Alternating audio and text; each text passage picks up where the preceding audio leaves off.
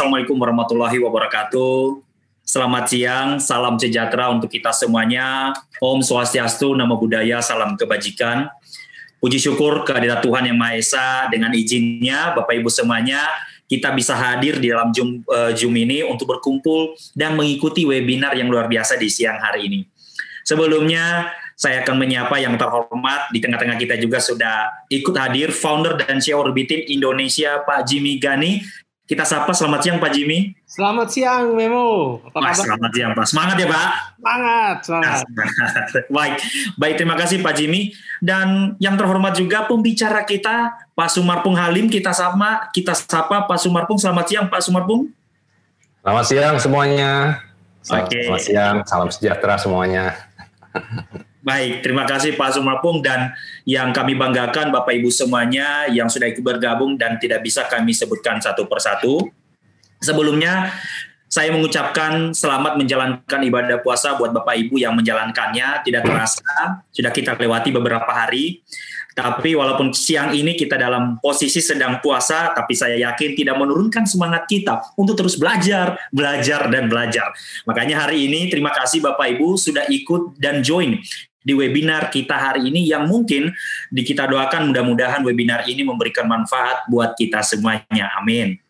Dan sebelum kita lanjutkan juga, hari ini adalah hari yang spesial dan saya lihat tadi di layar ada beberapa Sri Kandi Sri Kandi yang ikut hadir di dalam Zoom dan mungkin juga ikut uh, nonton di live YouTube kita. Jadi secara pribadi saya atas nama Memorianus Samajiono yang menjadi moderator hari ini mengucapkan selamat Hari Kartini buat Sri Kandi Sri Kandi yang hadir di dalam Zoom maupun yang ikut nonton di live YouTube kita. Selamat Hari Kartini buat Kartini Kartini Indonesia yang hebat-hebat dan luar biasa. Ada sebuah kutipan mati satu tumbuh seribu. Kartini memang sudah tiada, namun semangat juangnya tidak boleh padam begitu saja. Oleh karena itu, maju terus para Kartini Indonesia di mana pun Anda berada. Gelorakan semangat dan inspirasi seorang Raden Ajeng Kartini. Sekali lagi, selamat Hari Kartini buat Kartini-Kartini Indonesia. Oke, okay. ya. Jadi sebelum kita mulai webinar, ada beberapa informasi yang perlu kami sampaikan kepada Bapak Ibu semuanya untuk bisa kita ikuti bersama. Pertama, ketika webinar sudah kita mulai saat ini, maka mohon maaf sekali Zoom Bapak Ibu akan kita mute supaya tidak menimbulkan suara yang bisa mengganggu. Dan yang kedua, ketika nanti pemateri kita menyampaikan materinya, maka Bapak Ibu bisa menyampaikan pertanyaan lebih awal di dalam chat Zoom ya.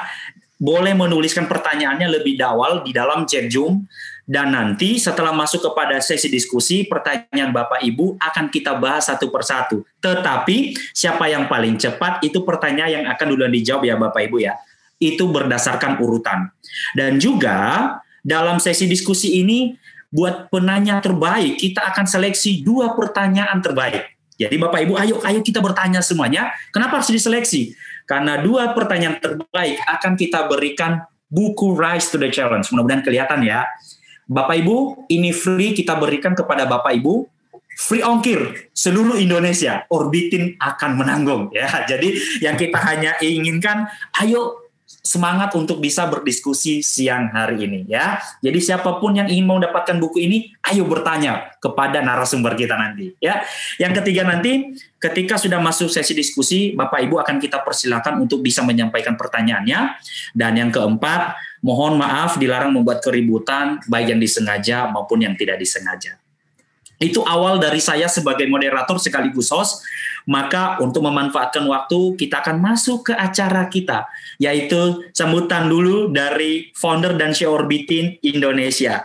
Kita sapa Pak Jimmy Gani, silakan Pak memberikan sambutannya Pak. Terima kasih Mas Imo. Bismillahirrahmanirrahim. Assalamualaikum warahmatullahi wabarakatuh. Waalaikumsalam warahmatullahi wabarakatuh. Semangat pagi. Semangat pagi Pak. Walaupun hari udah siang, udah setengah hari kita lewatin bagi yang berpuasa dan tinggal uh, berapa jam lagi nih? Empat jaman lagi ya kita udah bisa buka puasa. Tapi rasanya masih tetap semangat. Apalagi kita hari ini juga um, hari spesial, hari Kartini. Uh, walaupun uh, pembicaranya dan juga saya dan Mas Memo laki-laki, tapi tentunya kita adalah uh, bisa seperti ini karena karena perempuan juga gitu ya, karena ibu kita, karena istri kita, karena tema, apa partner kita dan seterusnya. saya ingin menyapa dulu teman saya ini Pak Sumarpung. Apa kabar Pak Sumarpung? Baik Pak, terima kasih Pak. Luar biasa ini, terima kasih banyak sudah berkenan ya, hadir Pak Sumarpung. Ini ya, Pak teman-teman nampaknya uh, walaupun di tengah-tengah uh, kesibukan dan juga di tengah-tengah uh, berpuasa, tapi nggak nggak kalah semangat untuk terus belajar uh, karena saya lihat memang juga ini luar biasa ya apa yang kita akan nanti dengarkan dari Pak Sumarpung dengan tema webinar kunci sukses berkarir sebagai B2B uh, sales executive. Jadi uh, Pak Sumarpung ini uh, apa nanti mungkin dijelaskan oleh Mas Memo tapi beliau adalah seorang uh, yang sangat mumpuni uh, yang uh, saat ini uh, kita ketahui uh, sebagai uh, praktisi corporate sales management dan juga direktur PT Inovasi Dunia Kreasi. Jadi uh, dan tentu uh, uh, apa pengalaman beliau dalam apa berjualan terutama untuk B2B ya karena kalau misalnya salesman yang sifatnya uh, B2C itu beda gitu kan. Kalau kita ke consumer apa itu bisa dengan iklan saja gitu. Tapi kalau dengan kalau kita menjual ke bisnis itu tentunya harus membina hubungan uh, rapport uh, yang bagus dengan uh, calon uh, customer, calon klien kita gitu. Dan ini uh, tidak tidak mudah gitu ya. Saya sendiri uh, Pak Sumarpung sebelumnya uh, waktu saya kuliah dulu saya kuliahnya uh, apa uh, S1 saya ekonomi, kemudian saya teruskan uh, di bidang accounting gitu uh, untuk MBA-nya. Tapi kemudian saya harus terjun gitu karena konon kalau mau sukses harus bisa jualan gitu kan. Jualan produk kita, jualan konsep kita, jualan ide kita. Jadi if we don't know how to sell, then uh, apa kita uh, nggak uh, nggak bisa sukses gitu. Jadi even orang keuangan, orang accounting pun harus bisa itu. Akhirnya saya juga belajar gitu dan kebetulan uh, saya uh, apa mendapatkan kesempatan menjadi VP untuk Asia dan kerjanya jualan justru accountingnya malah nggak kepake gitu dan uh, tentu diterpa gitu ya uh, secara teori maupun juga secara experience. Nah, uh, memang teori ini sangat penting. Uh, jadi kita akan dengarkan gitu. Uh, tapi juga nggak kalah penting adalah experience-nya, pengalamannya. Dan pengalaman itu yang nanti juga akan diceritakan tentunya oleh Pak Sumarpung sebagai seorang uh, apa profesional yang sukses uh, di bidang uh, B2B uh, sales uh, salesmanship uh, untuk nantinya kita bisa sama-sama dengarkan. Tentunya Orbitin sangat berterima kasih kepada Pak Sumarpung yang telah berkenan untuk uh, berbagi dengan kita. Ini banyak nih teman-teman, uh, ada uh, apa hampir 60 orang. Uh, kita harapkan nanti tentu lebih banyak lagi yang akan join uh, untuk bisa mendengarkan uh, hands-on experience dan juga uh, apa teori-teori mengenai uh, salesmanship khususnya B2B gitu ya yang nantinya uh, kita harapkan berguna. Jadi uh, kembali lagi uh, apa kita bicara mengenai salesmanship ini bukan uh, bukan berguna pada saat kita menjadi salesman aja, tapi any position that you have, uh, you need to know how to sell gitu ya.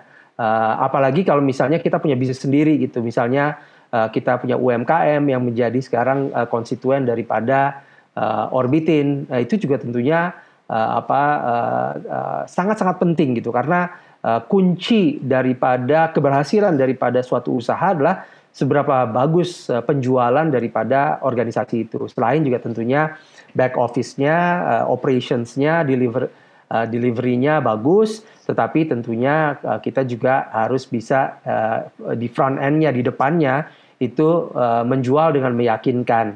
Nah, ini yang kita akan dengarkan dari Pak Sumarpung uh, dan saya uh, tentunya mengucapkan sekali lagi terima kasih Pak Sumarpung. Selamat berwebinar teman-teman semua. Mudah-mudahan di hari yang baik ini di hari Kartini maupun juga di hari di bulan Ramadan kita semua mendapatkan berkah, bisa mendapatkan pembelajaran yang baik dan tentunya Pak Sumarpung mendapatkan pahala atas apa sharing of knowledge ini kepada teman-teman setiap kali mereka melakukan uh, apa uh, eksekusi terhadap uh, ilmu yang didapatkan dari Pak Sumarpung. Saya rasa dari saya itu aja uh, Mas Memo. Mudah-mudahan sukses gitu ya hari ini ya. Dan kita harapkan ini bukan hanya sekali ya Pak Sumarpung ya. Jadi kalau bicara salesmanship it has to be a series of talk dan juga teorinya banyak dan praktisnya banyak gitu dan mudah-mudahan nanti bisa dapat kesempatan untuk uh, bisa interaksi dan kita juga harapkan nanti uh, apa akan ada sesi-sesi khusus di mana kita akan bukan bicaranya tentang uh, big theory-nya aja tapi juga kita mau mendengarkan dan juga mau ada workshop-workshop yang yang uh, di, yang mana teman-teman bisa belajar lebih dalam lagi lah mengenai salesmanship ini. Oke, terima kasih. Wabillahi taufik walhidayah. Assalamualaikum warahmatullahi wabarakatuh. Semangat pagi. Semangat pagi, Pak. terima kasih sambutan yang luar biasa dari Pak Jimmy. Kita juga sampaikan, Pak, uh, tadi Pak Jimmy sudah menyampaikan bahwa kalau bisa ini tidak hanya berhenti, berhenti pada satu seri saja. Ternyata kami sampaikan kepada Bapak Ibu, uh, untuk webinar yang akan dibawakan oleh Pak Sumarpung ini akan ada dua sesi atau dua series jadi uh, tetap ikuti apa media sosial kita, Orbitin ID, website kita orbitin.id dan nanti akan pasti kita infokan kapan series keduanya akan kita lakukan ya. Jadi uh, terima kasih kepada Pak Jimmy, maka karena sudah dibuka acara oleh Pak Jimmy, maka kita masuk kepada acara inti kita yaitu webinar dan sebelumnya uh, kami akan perkenalkan uh, siapa sih pembicara kita yang luar biasa hari ini. Jadi secara singkat kita akan perkenalkan uh, Pak Sumarpung Halim. Beliau merupakan Direktur PT Inovasi Dunia Kreasi dan juga merupakan praktisi corporate sales management yang memang karir beliau lama dan expert di bidang sales management dan banyak aktivitas yang lain memang uh, layak untuk diseringkan hari ini. Jadi tidak menunggu waktu lama, waktu dan tempat uh, kita berikan kepada Pak Sumarpung. Kurang lebih Pak 30 sampai 40 menit dimulai dari sekarang uh, waktu Pak Sumarpung Halim untuk uh, memberikan materinya. Setelah itu nanti baru masuk kepada sesi diskusi. Terima kasih Pak Sumarpung, waktu dan tempat saya persilakan Pak. Terima kasih, terima kasih. Sekali salam sejahtera semuanya. Pak Jimmy Gani, Pak Memo, dan teman-teman semua yang mengikuti hal ini. Uh, pertama, ya selamat memulai berpuasa. Lalu eh, hari ini juga hari spesial, Hari Kartini dan saya juga mengharap ini nanti para Sri Kandi ini juga bisa sukses berkarir sebagai sales, B2B sales gitu ya. Saya sangat mengharapkan ini profesi yang menarik ini buat para Sri Kandi. Uh, by the way, slide-nya udah kelihatan? udah ya? Kelihatan Pak. Oke. Okay. Kelihatan Pak. Oke, okay. Thank you. Baik, saya mulai. Jadi uh, terima kasih sekali untuk introduction-nya. Jadi sales ini sebenarnya satu uh, tema yang uh, cukup besar sebenarnya. Jadi uh, pada kesempatan hal ini saya rangkum dalam dua seri yang kali ini untuk sales eksekutif, nanti yang berikutnya untuk sales leaders ya. Karena sales management itu ada dua sebenarnya untuk sales eksekutif dan sales leaders. Nah, uh, saya meng, sangat mengharap ini tentu akan bermanfaat untuk semua. Oke, baik kita mulai. Pertama mengenai saya sendiri lebih detail. uh, bagi yang ingin mengenal, saya dulu belajar di Bandung, uh, backgroundnya electronics, ya ini agak agak menyimpang ini sebenarnya. Lalu berikutnya saya ambil uh, MBA di finance, terus kebetulan waktu saat itu sangat menarik tentang information system. Jadi saya ngambil lagi. Lalu setelah itu saya mulai join uh, beberapa role yang di awal ada corporate sales management, lalu ada enterprise marketing, channel partners, project management, dan terakhir uh, saya berkecimpung di mobile apps development. Jadi background saya agak agak kayaknya agak zigzag nih. nah, pengalaman pertama itu pada saat saya join di Microsoft Indonesia uh, so many years ago itu tentang corporate sales management. Nah, di situ kebetulan saya melihat bagaimana pertama kali sales management diimplementasikan. Jadi pada saat itu Microsoft juga sedang bertransformasi. Kalau masih ingat pada saat itu masih ya boleh dibilang Microsoft itu masih di belakang IBM. IBM jauh lebih di depan, nah Microsoft lagi nguber. Nah untuk itu mereka mengimplementasikan corporate sales management worldwide. Nah intinya adalah setelah implementasi ini menjadi best practices untuk Microsoft di dalam mengengage market. nah, saya melihatnya mengenai tugas dan tanggung jawab seorang sales ini ternyata ada persepsi yang cukup lebar ya bervariasi lah. Nah ini yang saya mau bahas di sini karena ini menyangkut tentang expectation. Jadi uh, dengan kata lain di perusahaan itu mengharapkan apa gitu dari seorang sales. Nah expectation ini tentu menjadi kriteria. Jadi yang disebut sales yang bagus itu yang bagaimana? Gitu.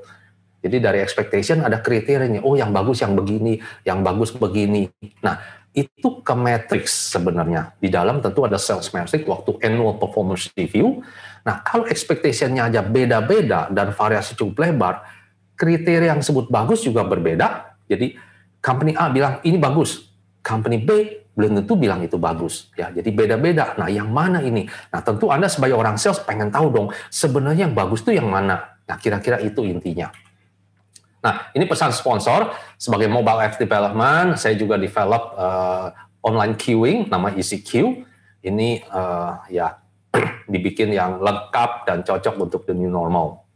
Kalau yang berminat bisa hubungin mengenai online queuing system. Nah, saya langsung ke challenges dari sales eksekutif. Nah, mungkin sering dengar kalau yang Pak, sekarang itu jualan sulit, Pak, kerjanya cuma perang harga Nah, ini yang sering didengar. Nanti kita lihat apa sih sebenarnya root problemnya dari perang harga ini. Lalu ada yang bilang, saya kerja tapi dinilainya nggak jelas. Bonusnya juga kurang jelas cara bagi-baginya. Karir, nah ini. Yang sebut berkembang tuh yang bagaimana? Kan kalau biasa uh, role lain itu cukup jelas gitu kan. Kalau sales itu bagaimana? Dan ini juga soal training. Training cukup sering perusahaan mengadakan sales training, tapi just like that. Setelah training satu hari selesai, that's it gitu. Kayaknya manfaat terhadap karirnya kurang. Coaching jarang katanya. Ya memang tidak semua company bisa ada coaching atau support dari sales leader. Nah, masalah di mana? Nah, lone warrior ini maksudnya orang sales itu kadang-kadang di hire, habis itu dikasih target, terus ya silahkan jalan sendiri. Seolah-olah betul-betul jalan sendiri. Nah ini juga ada notion nih bahwa seorang sales harus bisa merayu, even mengemis kepada customer. Apakah betul seperti itu? Nah lalu atasannya kerjanya ngubur setoran. Ya, apa betul kerja atasan seperti itu atau prioritas utamanya? Dan ada yang bilang kerjaan sales ini mostly luck harus berpenampilan menarik. Nah, ini yang saya sering juga lihat uh, di dalam job requirements kadang ada tuh harus berpenampilan menarik. Ini di LinkedIn saya pernah lihat jadi ada pernah heboh gitu. Maksudnya apa sih gunanya ini? Nah, di sini kesempatan ini kita akan lihat sebenarnya apa sih yang dicari dan kenapa. Path, nggak nambah ilmu dan lain-lain. Nah, mengenai sulit pindah kerja sebenarnya begini orang sales ada yang cukup lama kerja di dalam satu kantor, dia kayaknya berkembang, tapi habis itu waktu di interview di company lain, nggak ada yang mau terima. Jadi dengan kata lain, dia kayaknya bagusnya cuma di company itu aja. Jadi waktu pindah kerja itu sulit. Dan saya udah lihat berkali-kali hal seperti ini. Kenapa sulit pindah kerja? Kenapa company lain tidak bisa lihat bahwa dia sukses di sebelumnya, bisa sukses juga di tempat ini? Nah, semua itu Coba kita lihat akar permasalahannya apa. Nah, sebelumnya saya mau share dulu goal and purpose dari webinar ini. Jadi pertama adalah kita mau sharing tentang persepsi yang umumnya terjadi di umum di masyarakat mengenai tugas dan tanggung jawab orang sales. Intinya adalah kita mau memahami sebenarnya tugas dan tanggung jawab yang sebenarnya itu apa sih? Nah, kita akan mengenal juga corporate sales management. Saya akan mengulas ini satu topik yang sebenarnya lebar dan dalam. Tapi seenggaknya di webinar ini kita akan lihat fungsi dan manfaatnya. Saya rasa itu dulu yang penting. Nah, berikutnya adalah ini juga penting. Kira-kira sales skill apa yang utamanya dibutuhkan supaya Anda bisa fokus ke situ mengembangkan diri. Kalau ini aja kurang tepat, tentu nanti sulit akan berkembang. Nah, lalu di masa the new normal, Ya sekarang pandemi, setelah pandemik selesai, nanti the new normal, ini bagaimana nih B2B sellingnya berubah kondisinya. Tentu nanti saya share beberapa tips. Dan sekali lagi, ini bukan sesi motivational training ya. Jadi mungkin yang sering lihat apa uh, webinar atau YouTube ada training, tapi mostly motivational atau personal development. Kalau ini webinarnya lebih ke arah sales management ya. Jadi part of sales management. Nah, saya mau share dulu kenapa profesi sales. Sales itu sangat menjanjikan sebenarnya dan terbuka lebar. Jalurnya bagus. Kenapa? Karena semua perusahaan sales merupakan peran penting. Ya, itu pasti banget. Karena dia membawa revenue dan juga sukses bagi perusahaan. Jadi orang sales itu selalu penting bagi perusahaan. Seperti Pak Jimmy tadi bilang, semua orang jadi sales sebenarnya. Apalagi uh, ya makin tinggi tetap apalagi businessman ya, semua itu jualan. Jadi kondisinya adalah high demand low supply. Nah, ini kelihatannya agak aneh nih. Kok bisa ya nyari nyari kerjaan susah tapi high demand low supply. Sebenarnya yang low supply ini karena nyari yang cocoknya itu sulit. Sehingga low supply untuk yang cocok. Nah, itu yang perlu diperhatikan. Bagaimana Anda bisa menjadi seorang sales yang bagus dan cocok. Keuntungannya banyak, gaji, bonus, benefit, ya. Apalagi dulu saya lihat-lihat kalau perusahaan besar multinational itu uh, entertainmentnya business class maupun naik airline, restoran, kalau entertain customer gitu ya, atau hotel, uh, meeting di Bali, di Singapura itu hal yang biasa untuk multinational. Atau kalau misalkan untuk entertain, menemani customer main golf, dikasih golf membershipnya. Nah, jadi cukup banyak. Flexible hours, mungkin ini yang paling di-enjoy orang sales. Nggak ada absensi sebenarnya. ya. Tapi harap diingat, nanti kita share bagaimana mengoptimumkan working time dari orang sales Business network tentu bagus karena orang sales ketemu orang-orang penting di customer. Nah, di sini saya mau highlight bedanya antara B2B dengan B2C. Ya. Ini saya ambil dari Gartner Group. Ya. B2C sales cycle-nya atau customer journey-nya itu ada empat stage. Mula-mula awareness. Ya, jadi saya ambil contoh di sini misalkan, saya baru aware ternyata misalnya uh, uh, karena saya misalnya punya TV yang lama ya, TV lama, eh ternyata bisa jadi Android TV nih dengan pasang satu device, satu alat ya. Nah, saya pasang itu jadi smart TV itu. Jadi saya ada timbul awareness, oh bisa ya. Nah, terus saya mulai explore. Nah, itu di tahap familiarity. Ya saya explore apa sih sebenarnya? Oh, ini ternyata teknologi nama Chromecast gitu ya dan bla bla bla bla gitu. Saya getting familiar. Nah, setelah familiar saya mungkin timbul minat.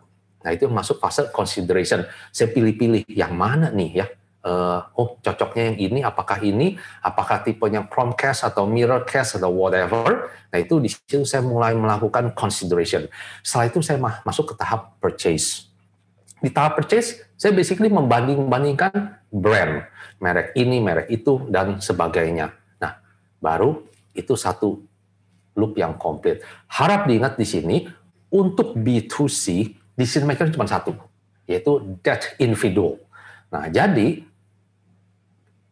customer purchase ini bisa juga tanpa budget, impulse purchase kita sebutnya. Jadi karena dia minat atau orang salesnya bagus, mengintroduce, dia mendadak beli, padahal nggak pernah ada planning sebelumnya. Ini B2C. Nah, lalu kita lihat yang B2B bagaimana. B2B the corporate custom buying journey ini juga dari uh, Gartner Group itu stage-nya ada empat juga tapi berbeda. Ya. Pertama adalah problem identification. Sekali lagi ini settingnya adalah perusahaan. Banyak orang bukan single individu. Many people involved in this. Nah problem identification sebagai contoh. Misalnya kemarin hujan besar banjir. Jakarta banjir gitu ya. Nah lalu server room kebanjiran sistematik semua. Operation juga down. Nah, itu satu problem yang teridentifikasi. Waduh, ada masalah banjir nih, bagaimana? Nah, lalu mereka mulailah mencari apa nih solusinya? Masuklah ke tahap solusi exploration. Dicari nih solusinya. Oh, solusinya bisa aja sih uh, servernya dipindahin ke lantai dua atau lantainya ditinggiin, bla bla bla. Itu solution exploration. Atau bahkan bikin DRC, Disaster Recovery Center. Ya, gitu ya. Itu fase solution exploration. Nah berikutnya mereka mendefine specification-nya. Itu yang disebut requirements building. Jadi yang kita mau tuh yang seperti apa? Misalkan speknya harus begini, begini, begini. Basically it's about specification. Ya, karena kalau enggak bisa luas banget, mau ini, mau ini, semuanya mau. Tapi ini di scoping, gitu ya. Nah, setelah speknya jadi, barulah perusahaan tersebut melakukan supplier selection. Di situlah mereka membuat TOR, ya tornya udah jadi waktu requirement building sebenarnya. Tor itu disebar ke vendor lalu dilakukanlah bidding. Ya, macam-macam. Ada yang sebut tor RFP RKS uh, uh, kerangka uh, apa KK kerangka acuan kerja macam-macam. Nah tapi basically di situlah terjadi supplier selection. Dan harap diingat perang harga yang biasa orang sales bilang terjadi adalah di mana di fase supplier selection. Jadi kalau lihat dalam satu journey, sebenarnya perang harga itu terjadi pada saat vendor sudah mulai ikut bidding. Nah, jadi ini yang saya maksud, harap diingat, journey-nya sebenarnya ada empat, bukan cuma di supplier selection. Jadi kerjaan orang sales bukan cuma di satu tempat aja pada saat supplier selection, tapi harap diingat ada empat. Nanti kita lihat lebih lanjut. Nah, lalu bagaimana dengan the new normal? Apakah buying journey ini berubah? Sebenarnya enggak, tetap sama. Customer, corporate customer tetap melakukan buying journey seperti ini, cuman engagement yang berbeda karena mereka menjaga social distancing, menjaga distancing. Nah, orang sales harus beradaptasi sehingga bisa membantu customer di tahap-tahap ini, di tahap problem identification, membantu di tahap solution exploration dan seterusnya dengan menggunakan tools dan teknologi supaya tetap bisa menjaga social distancing. Kira-kira itu kuncinya. Nah, harap diingat di sini di B2B, di corporate customer buying journey, semua mereka jalankan kalau sudah ada budget. Impossible nggak ada budget. Ya bisa sih budget mendadak, tapi basically ada budget. Tidak seperti B2C di mana mendadak impulse, nggak ada planning. Di sini nggak mungkin harus ada problem identification dulu. Nggak mungkin tanpa teridentifikasi problem mendadak mereka mau melakukan pembelian. Itu impossible ya. Atau mereka sebenarnya mendadak ada keperluan, tapi nggak ada, nggak ada budget nih, belum dibajetin. Nah mereka comot dari budget lain. Basically harus ada budget, kira-kira begitu. nah, yang perlu saya highlight di sini di dalam sales management itu ada dua grup. Pertama sales eksekutif, itu yang kita bahas pada kesempatan kali ini itu untuk para account manager dan kawan-kawan, pre-sales, product specialist, dan lain-lain. nah, fokus utamanya adalah mengengage customer. ya Lebih sering berada di ruang kantor tentunya, karena berinteraksi dengan customer. Satunya lagi adalah sales management group. Ini adalah the sales leader. Nah, mereka adalah sales manager, general manager, sales director. Nah, di sini walaupun disebut sales manager, itu bukan artinya account manager yang sudah senior sehingga di business card-nya ditulis sebagai sales manager, bukan. Ya, tapi benar-benar they are managing the sales team. Jadi ini perbedaan wording. Nah, fokus utamanya adalah managing the sales engine and leading the sales team. Ya, bukan artinya mereka nggak ketemu customer, tapi fokus mereka atau spend most of the time adalah untuk itu ya managing the sales sebenarnya. Jadi lebih sering ke, uh, berdiskusi dengan sales executive group dan juga top management. Nah, kita langsung masuk ke bread and butternya, yaitu persepsi tentang profesi sales. Nah, ini yang paling-paling sering uh, kita dengar bahwa sales itu mostly art. Salesnya kalau ada pun kecil banget, mostly art. Nah, profesi sales yang ada persepsi ini umum terjadi akibatnya ini akibatnya nih banyak orang berpikir bahwa sales people itu is born. Ya, jadi uh, mereka memang terlahir sebagai orang sales gitu kalau ada sales yang hebat ya. Nah konsekuensinya adalah kalau mostly art dia lebih deskriptif ya. Mungkin kalau gam sebagai analoginya begini kalau anda lihat satu lukisan lukisan yang memang bagus nih. Kita bisa jelaskan lukisan ini bagus, yang ini kurang, yang ini bisa, bisa. Kita bisa describe. Nah, tapi kalau ditanya gimana cara bikinnya? Wah, hampir semua pelukis kesulitan menjawabnya. Gimana nih? Anda bisa bikin lukisan yang bagus. Prescription-nya nggak ada. Nah, bedanya apa?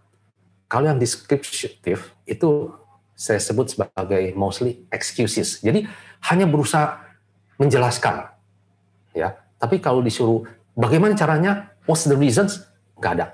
Nah ini perbedaan antara art and science. Nah karena sales itu mostly art, kebanyakan nanti excuses. Orang sales kalau ditanya, bagaimana anda bisa sukses?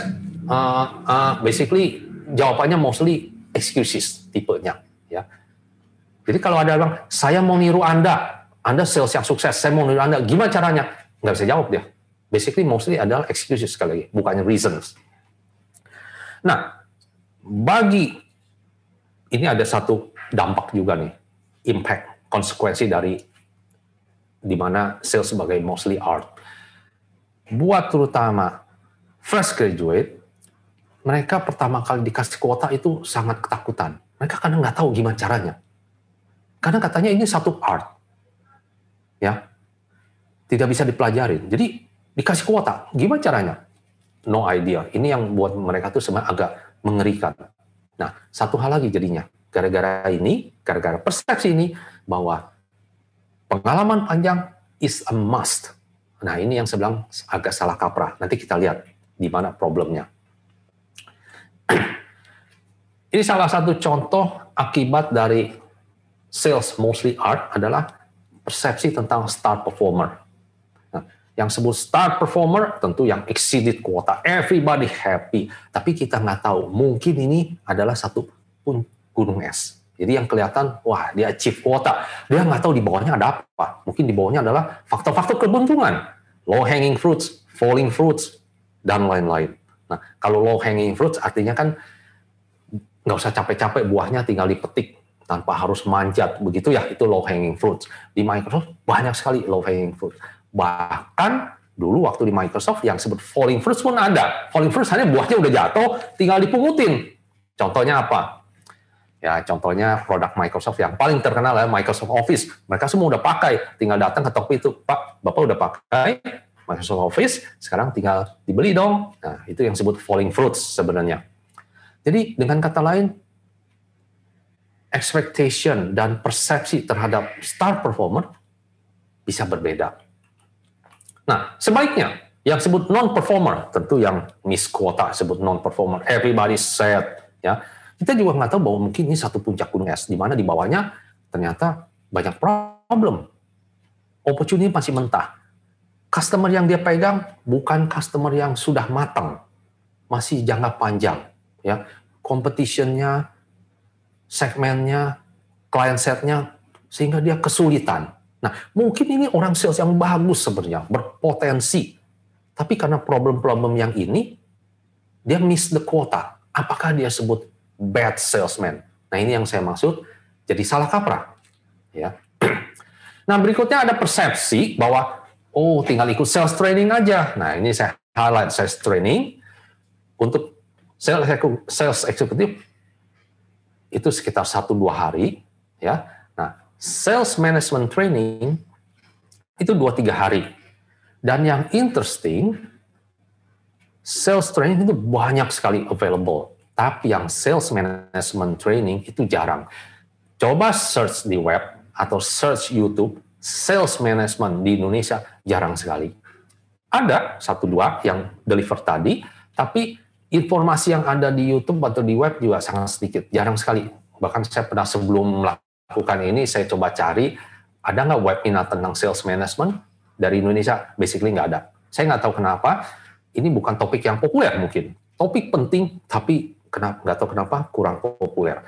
Nah, sales training ini sebenarnya nggak cukup, ya.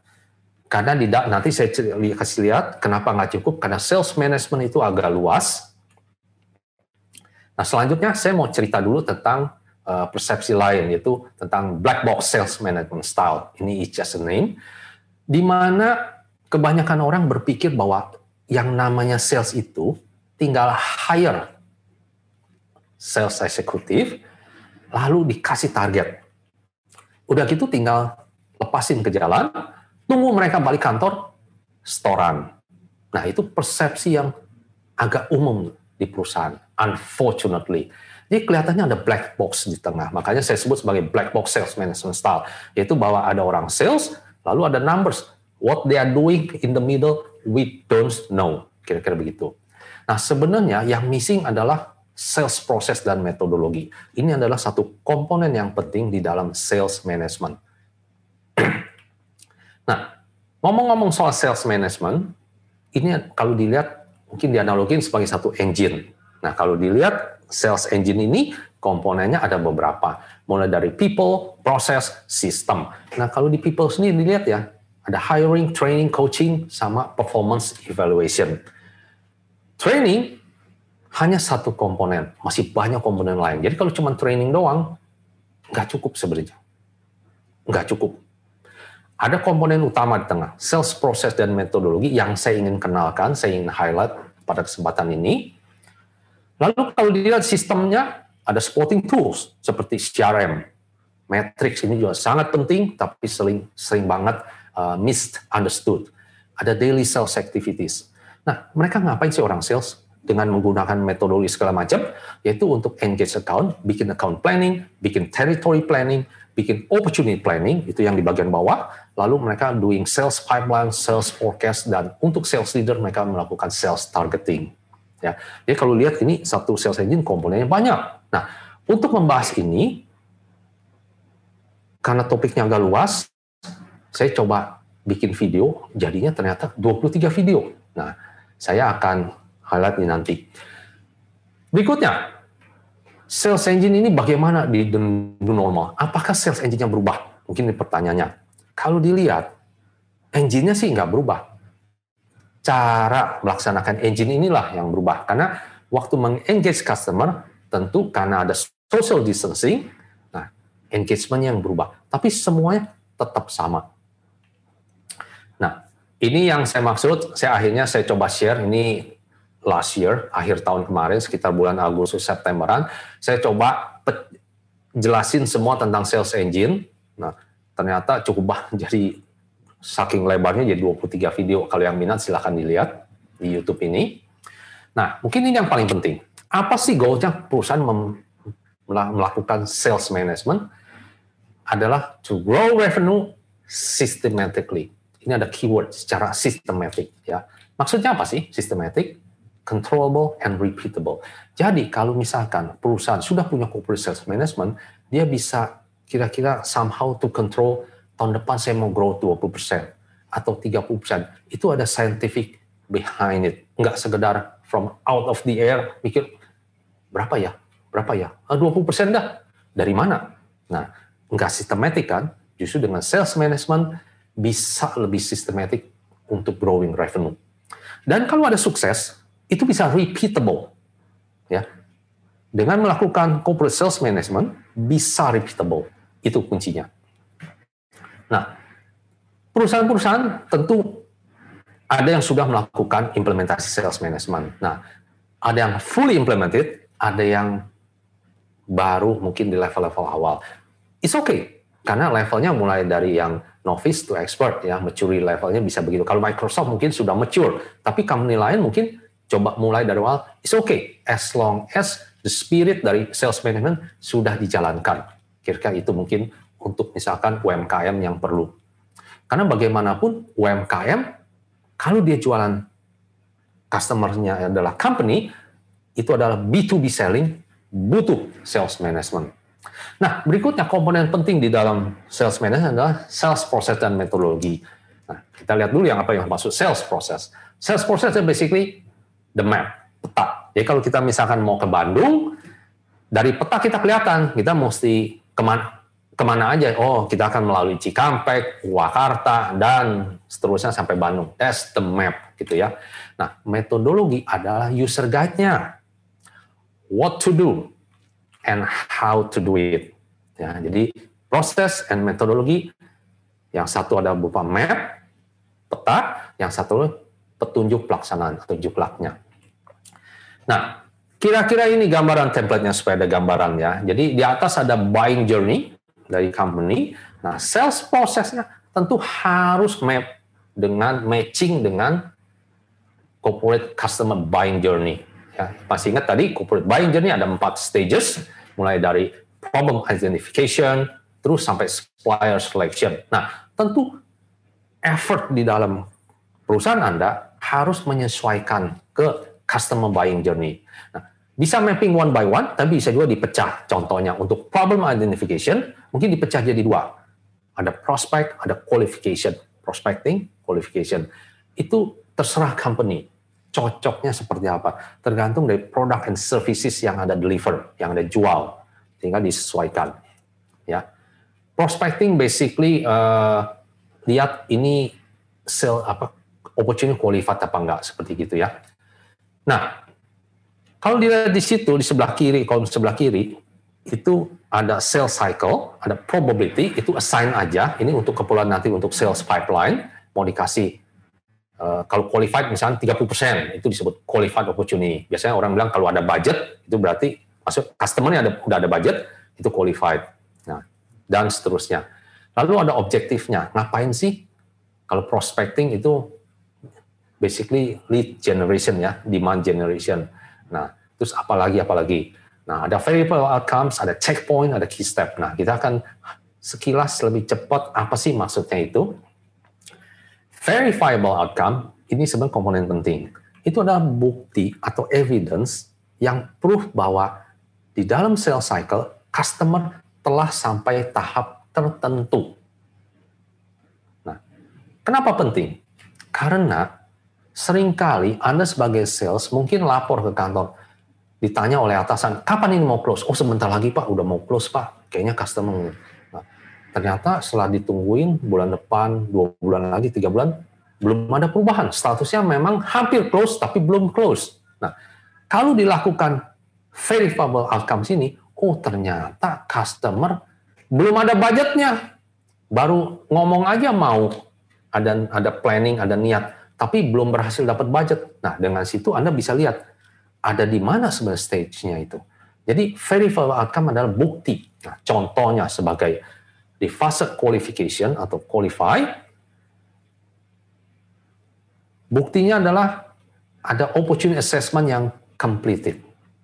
Jadi dengan kata lain, budget ada, ownership-nya ada. Jadi kalau ada ini satu project, ada project owner-nya, dan lain-lain. Silahkan di-define. Nah, kalau itu semua terdefine, baru Anda boleh bilang, ini opportunity adalah qualified. Dan stage-nya ada di stage qualify 30%. Jelas, tidak ada perdebatan. Nah, berikutnya yang ke bawah checkpoint. Checkpoint adalah sebenarnya milestone yang untuk support the evidence. Jadi, evidence tadi apa checkpointnya? Misalkan klien agree to buy, ada planning to buy, ada budget yang udah di-confirm, ada timeline kapan dia mau beli itu udah ada informasinya dan confirmed. Terus ada compelling event. Itu satu satu hal yang istilah mendorong dan mendesak customer untuk melakukan pembelian. Misal kalau dia nggak melakukan ini, ada konsekuensinya. Kayak tadi, kalau dia tidak doing DRC, Disaster Recovery Center, nanti begitu hujan banjir lagi, konsekuensinya sistem akan down. Nah, itu satu compelling event untuk mereka nge-push buying schedule, nge-push budget, dan nge-push purchasing.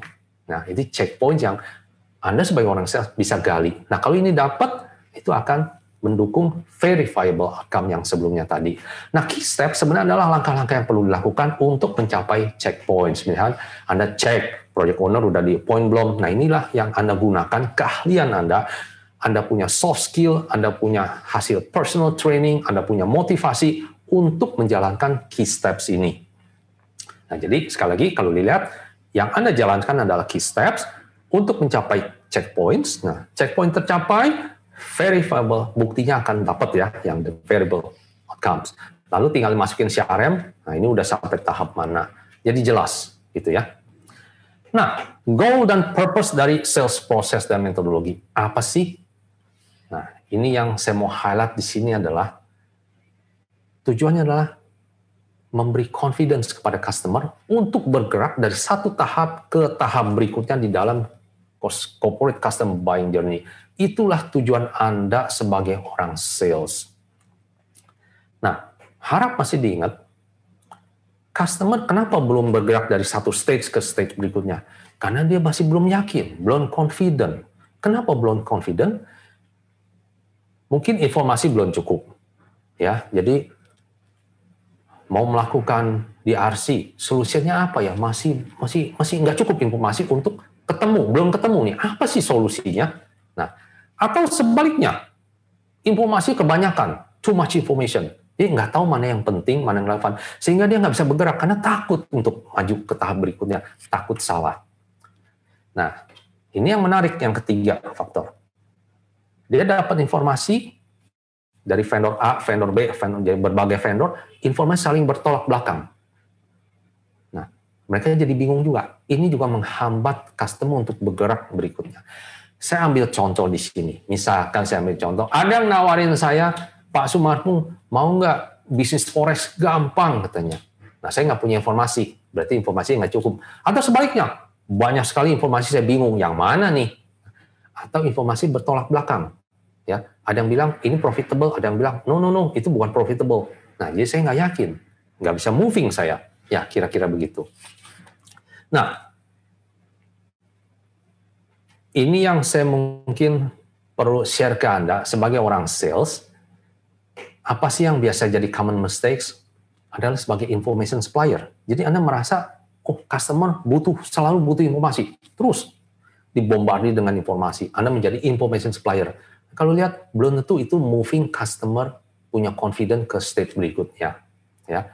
Atau Anda coba berusaha meyakinkan mereka cara dengan bawa konsultan, bawa expert yang ahli untuk menjelaskan. Misalnya kayak tadi, ada orang yang bawa expert tentang forex ke saya untuk convince saya Ya, dianya convince, sayanya belum convince. Tetap nggak efektif. Ya, so apa yang dikhawatirkan customer sebenarnya adalah penyesalan akibat salah beli. Dalam hal ini adalah dia nggak mau bergerak ke stage berikutnya karena takut salah. Jadi tugas Anda sebagai orang sales adalah bagaimana membuat customer confident sehingga dia bisa move ke tahap berikutnya. Gitu ya. Nah, tentu balik lagi ini normal bagaimana caranya Anda bisa meyakinkan customer dan tetap dengan menjaga social distancing. Nah ini tentu perlu fine tuning skill yang Anda sudah punya. Nah berikutnya kita akan masuk ke sales skill utama. Apa yang dibutuhkan. Lalu apa yang umumnya dicari perusahaan? Nah kalau dilihat, mari kita lihat quick aja. Contoh iklan lowongan kerja yang judulnya Corporate Account Manager.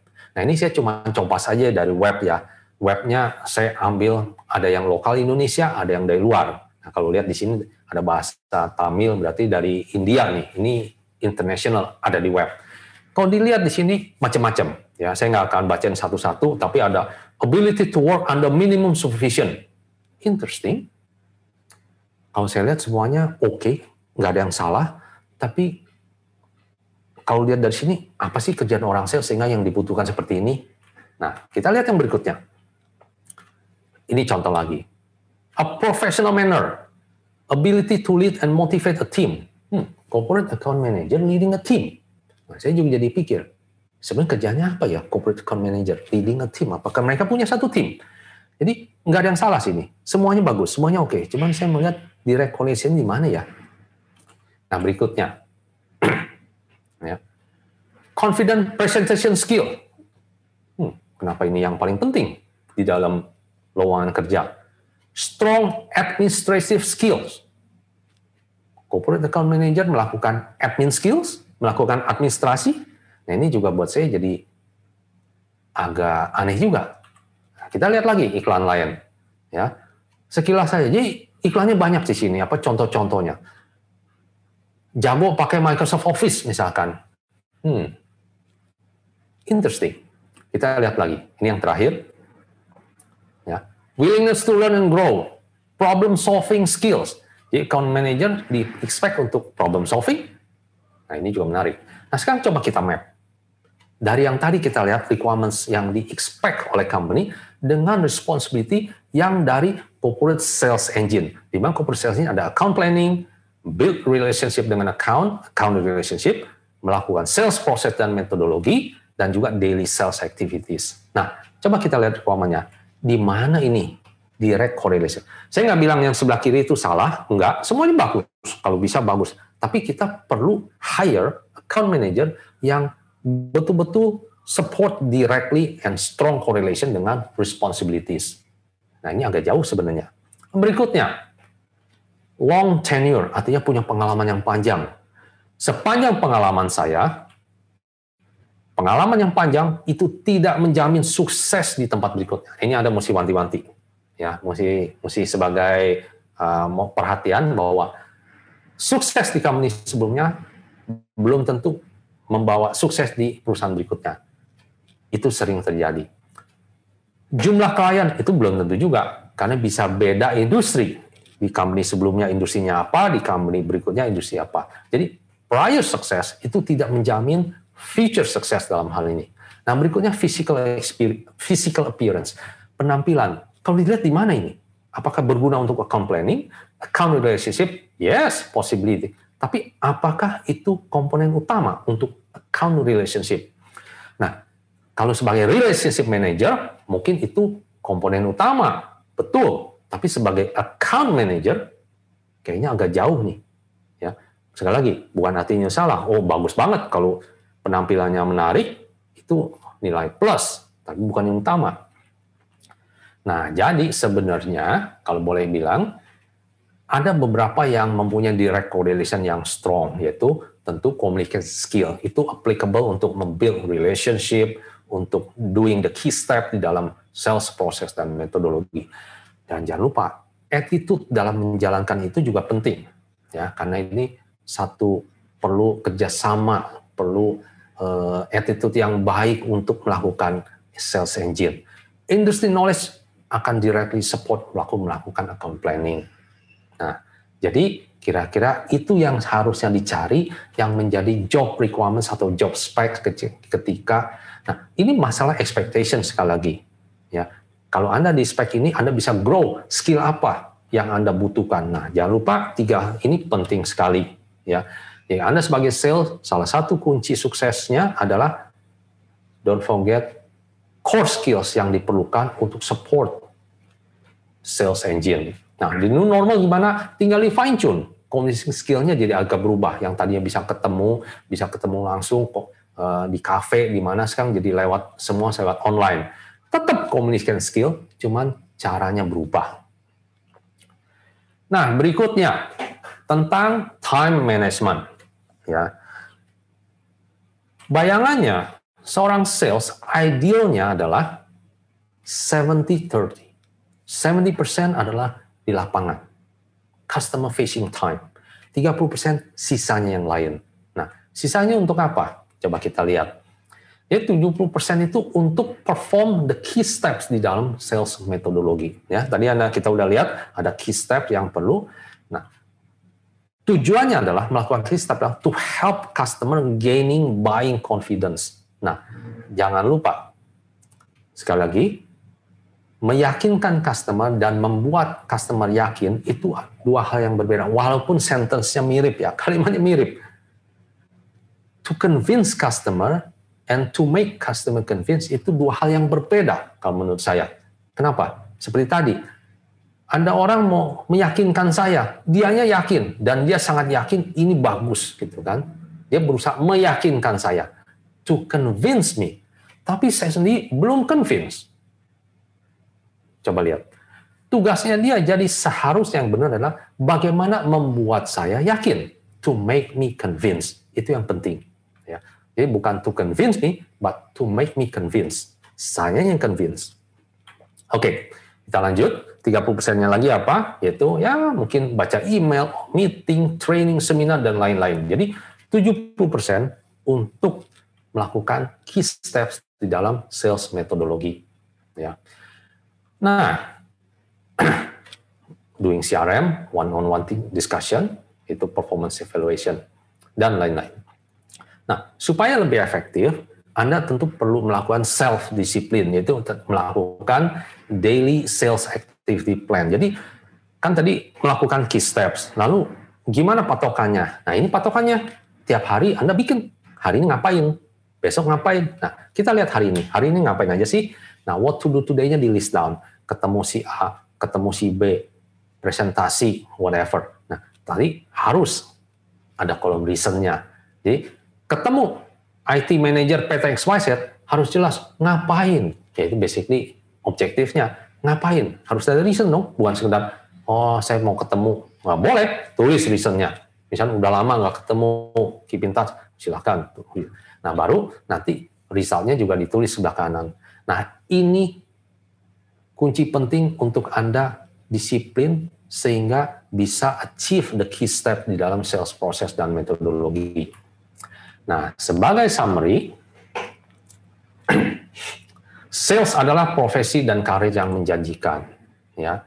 Tapi unfortunately, sering terjadi persepsi yang kurang tepat mengenai tugas dan tanggung jawab dari profesi sales di mana sales dibilang mostly art, terus fokusnya ke sales training, walaupun ini sebenarnya nggak cukup karena sales engine komponennya banyak, bukan cuma training.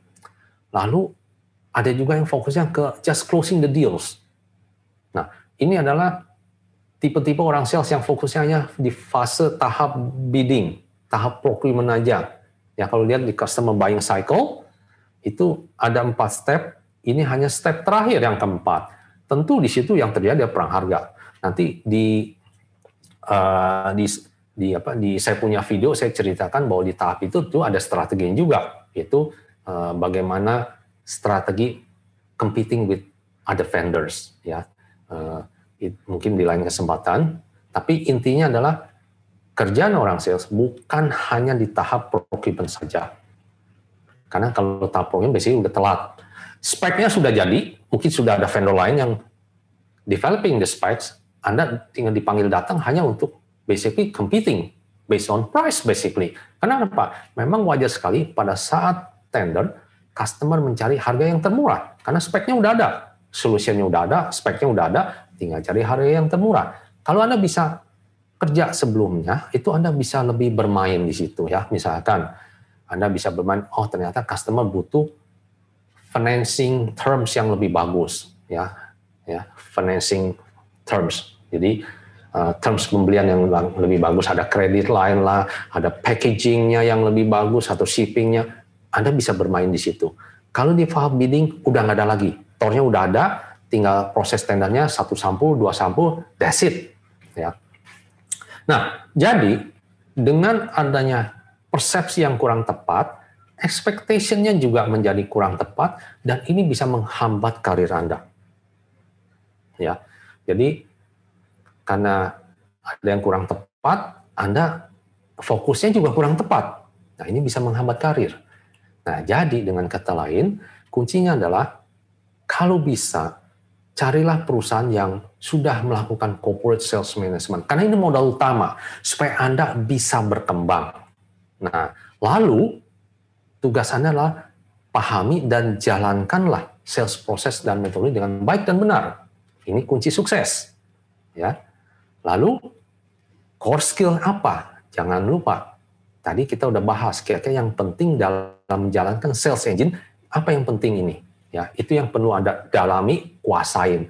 Kalau Anda udah menjalankan ini, saya yakin Anda masuk ke company mana pun, Anda pasti dilihat sebagai seorang sales yang hebat, Ya, jadi kira-kira kuncinya adalah mungkin boleh bilang empat yang terakhir ini, yaitu bahwa pertama perlu corporate sales management. Ada dia punya framework untuk bekerja, ya. Kalau misalnya company yang teman Anda kerja belum punya, ini agak unfortunate memang. Kalau punya, Anda lebih beruntung karena Anda bisa menjalankan, Anda bisa mempunyai pengalaman di situ dengan bagus tentang cara menjalankan sales proses dan metodologi. Lalu core skill-nya juga yang penting Anda bisa kuasai. Lalu kegiatan sales yang efektif. Karena bagaimanapun hampir semua perusahaan selalu ingin sales yang produktif. Salah satu yang saya highlight di depan adalah perusahaan-perusahaan itu sering melihat bahwa sales kurang produktif. Ya, kira-kira itu summary-nya untuk sales executive, kalau misalnya Anda minat untuk mengetahui apa sih dari kacamata sales leader, silakan ikut di session berikutnya melihat sales management dari perspektif sales leader. Ya, jadi judulnya adalah kunci sukses. mengelola sales di dalam perusahaan. Mungkin dari saya itu, thank you banget. Saya balikan kepada Pak Memo. Thank you.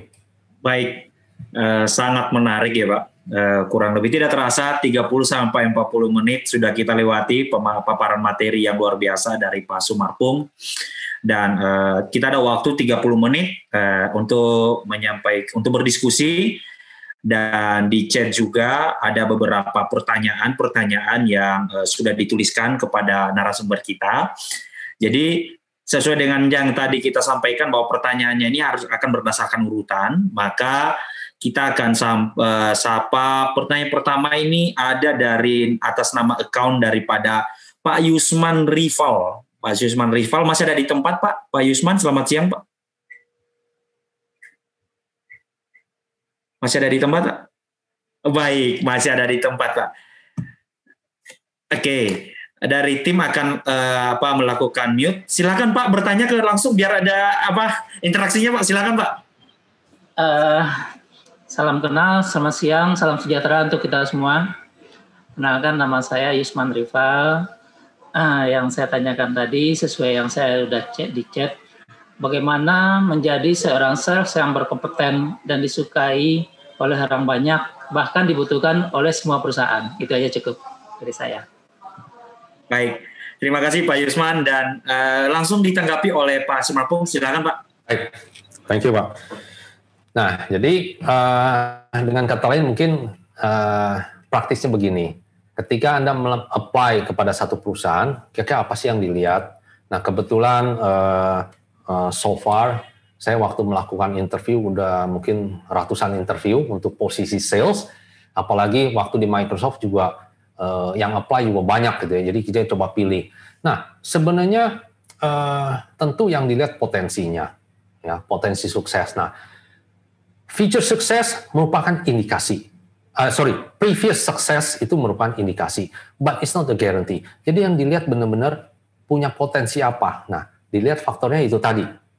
Pernah nggak melakukan account planning? Seberapa jago istilahnya melakukan account planning? Dilihat. Nah, silahkan ceritain. Saya pernah lihat satu CV, very impressive gitu. Karena title terakhirnya adalah Vice President of Sales, VP of Sales gitu ya. Ini ada satu perusahaan gitu, eh, perusahaan IT eh, di Bali kalau nggak salah, eh, cukup bagus perusahaannya. Titlenya VP Sales. Nah, tapi waktu di interview pernah nggak melakukan account planning? Belum pernah. Oh, oke. Okay. Jadi waktu Anda engage the market bagaimana? Misalkan uh, dia engage satu customer besar, ya customer besar. Dengan ada account planning, uh, itu ada satu topik sendiri mengenai account planning. Ya sekali lagi kalau bapak mau lihat, tinggal lihat di YouTube uh, saya. Account planning itu nanti dilihat di customer ini budgetnya berapa dan berapa budget yang bisa anda akses, disebutnya accessible budget gitu ya Lalu share walletnya berapa? Karena kan kompetitornya mungkin ada beberapa, bukan Anda sendiri. Jadi kalau satu bank misalnya punya budget 10M, nah itu budget yang bisa diperbutkan, tapi kira-kira Anda bisa dapat berapa? So, those kind of things, basically ada di dalam account planning. Jadi kita mau lihat apakah punya expertise di situ. Lalu yang lain-lainnya dilihat. Jadi dengan kata lain itu semua part of corporate sales management. Jadi dengan kata lain waktu proses interview saya mau lihat seberapa jauh kandidat ini sudah menguasai sales management punya engine. Ya, kira-kira gitu. Jadi mulai dari account planning, penggunaan kalau penggunaan CRM basically itu nggak tahu penting karena bisa dilatih. Tapi sebenarnya itu indikasi apakah punya disiplin sebelumnya itu yang lebih penting. Apakah melakukan daily sales activities plan itu juga soal disiplin sebenarnya. Attitude and disiplin. Karena ada yang nggak mau ngisi, ada yang nggak mau ngisi bukannya nggak bisa, nggak mau ngisi. Karena dia nggak mau ketahuan, saya ngapain aja di lapangan. Tapi kalau nggak ketahuan di lapangan ngapain, nggak bisa di manage. Ya, sales management nggak akan jalan, kira-kira gitu. Jadi hal-hal itu yang dilihat. Jadi dengan kata lain, secara singkat, melihat seberapa cocok ke dalam sales management engine. Kira-kira itu, Pak. Thank you. Mungkin Baik, menarik. Ada tanggapan lagi Pak Yusman? Mudah-mudahan sudah mencukupi ya Pak, apa yang tadi pada pertanyaan dan sudah ditanggapi oleh apa narasumber kita. Terima kasih Pak Yusman yang sudah menyampaikan pertanyaannya. Dan kita masuk kepada pertanyaan kedua nih, sesuai urutan atas nama account daripada Pak Ahmad Syarif masih ada di tempat Pak Asma Pak Ahmad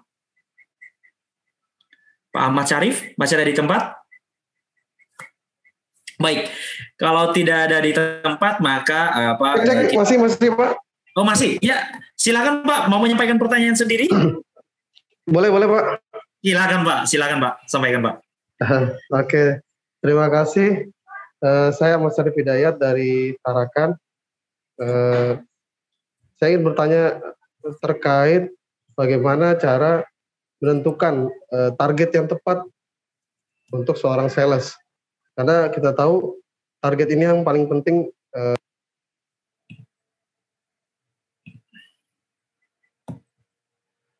Oke, okay. baik. Jadi uh, apa pertanyaan singkatnya adalah bagaimana memang uh, merumuskan atau menentukan target sales. Jadi ya. silakan Pak Sumarpung bisa menjawab Pak. Sebenarnya waktu menemukan sales target, semua pasti sudah punya data sebelumnya, ya data baik yang retail maupun yang B2B udah ada data sebelumnya. Nah, saya ngomong yang B2B, datanya dari mana? Data yang paling bagus dan akurat adalah sales pipeline. Jadi misalkan bagaimana menentukan sales target untuk tahun depan. Ya, nah pipeline-nya berapa yang sudah kelihatan untuk tahun depan. Jadi pipeline kan mungkin ada yang panjang, sales cycle bisa enam bulan, tujuh bulan gitu ya. Ada yang pendek, ada yang panjang. Nah, dari sales pipeline sebenarnya udah kelihatan berapa untuk uh, tahun depan. Jadi itu yang paling akurat. Memang ada informasi lain misalkan tentang uh, ekonomi negaranya, ya the country growth misalkan, terus uh, industry growth dan lain-lainnya. Tapi komponen utama adalah sales pipeline. Ya, itu yang paling uh, akurat sebenarnya komponen utama. Sekali lagi tentu ada tambahan ya, misalnya mendadak ada pipeline baru masuk gara-gara ekonomi lagi booming misalkan, misalkan Kira-kira begitu sales target. Di nanti di sales management session kita akan bahas lebih lebih mungkin lebih dalam soal itu, lebih apa? Lebih lebih detail. Thank you, Pak. Terima kasih.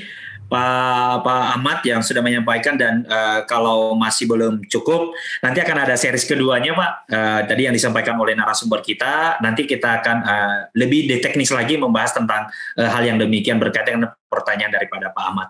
Nah pertanyaan yang selanjutnya dari account atas nama mohon maaf uh, dari Ibu Juliana masih ada di tempat?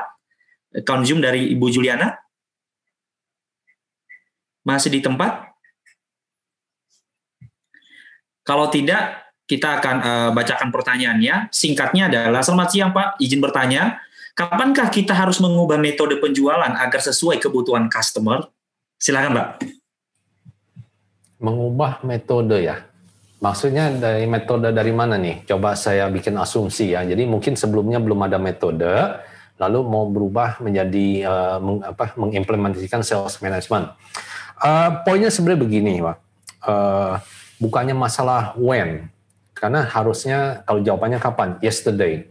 Harus jawabannya uh, yesterday. Cuman uh, bisa bertahap, mungkin itu yang penting. Jadi nggak mungkin belum sanggup untuk full blown implementation, tapi bertahap. Itu yang penting. Karena bagaimanapun kalau Anda jualan kepada corporate customer, jadi klien Anda, customer Anda corporates, itu perlu menjalankan sales process tadi karena bagaimanapun mereka pasti menjalankan sell buying cycle, ya buying journey-nya ada gitu. Anda mau ngikut apa enggak? Harus ikut kalau menurut saya. Kalau enggak Anda ketinggalan. Yaitu tadi, nanti tinggal terima undangan tender, Anda ikut, berarti ketinggalan itu. Jadi bukan masalah when, bukan masalah kapan, tapi how-nya bisa bertahap, mulai bertahap Pak, mulai start simple dulu lah istilahnya sales process dan metodologi.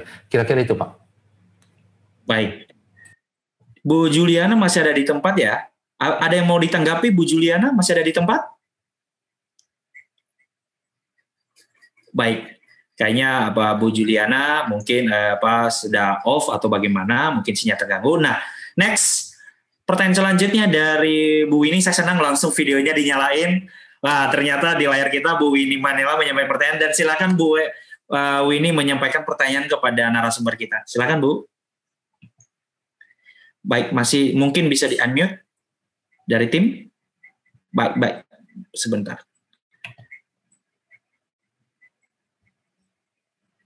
Oke, sebentar ya Bu. Masih posisi di mute Bu. Masih ke mute? Oke. Sudah Oke, ya Pak ya? silakan, Bu. Udah, silakan Bu. Iya, halo Bapak Sumarpo Halim, salam kenal ya Pak ya. Saya Winnie Mandela Ya, dari Bekasi Ya. Pak. Silakan, Bu. Yang mau saya tanya, tanyakan nih Pak, bagaimana caranya percepat proses dengan menjangkau eh, proses yang dapat mengambil keputusan ketika berhadapan dengan prospek B2B yang keputusannya tidak hanya berada pada satu orang saja Pak. Demikian Pak. Baik. Jadi eh, sebenarnya tentu sebagai account manager salah satu tugas penting adalah mengetahui who is who di dalam ini. Jadi eh, di dalam perusahaan itu tentu ada org structure, ya bahkan mungkin ada strukturnya yang eh, disebutnya formal maupun informal. Nah kalau ibu mau lihat lebih detail di salah satu video YouTube ada yang saya itu tentang eh, political judulnya political uh, structure di dalam organization gitu ya. Nah, tentu harus mengetahui Bu, definitely. Siapa orang yang berperan penting di dalam proses buying cycle ini. Jadi uh, jangan sampai salah orang. Karena sering juga orang sales nempelnya ke orang yang salah. nggak akan nggak akan jalan. Karena ada tipe-tipenya tuh ada yang tipenya cuma sekedar apa Uh, nanti kalau lihat di situ ada kalau di dalam perusahaan ya mungkin ada yang tipenya disebutnya sebagai inner circle. Itu orang-orang yang ngedrive gitu ya. Inner circle adalah uh, jadi pertama ada project project owner lah dia yang menginitiate project ini lalu ada inner circle yang menjalankan proyek ini jadi misalnya ada satu orang bos lah istilahnya gitu ya bukan bos pokoknya dia yang project owner lalu dia punya beberapa uh, orang dekat untuk menjalankan. Nah, itu sebenarnya inner circle. Lalu ada lagi satu grup yang disebutnya uh, mereka tuh sebenarnya uh, uh, mereka watching what happens. Mereka nggak terlibat, tapi mereka tahu what's going on. Nah, orang sales kalau nempel ke sana dapat informasi, oke, okay, tapi mereka nggak bisa moving something. They cannot move anything karena mereka nggak terlibat sebenarnya. Yang bisa bergerak itu inner circle, ya. Nah, ada satu lagi yang lebih itu lagi, ada satu grup yang namanya wondering what happened. Mereka sebenarnya nggak tahu di company kenapa company mendadak uh, mau uh, disaster recovery center.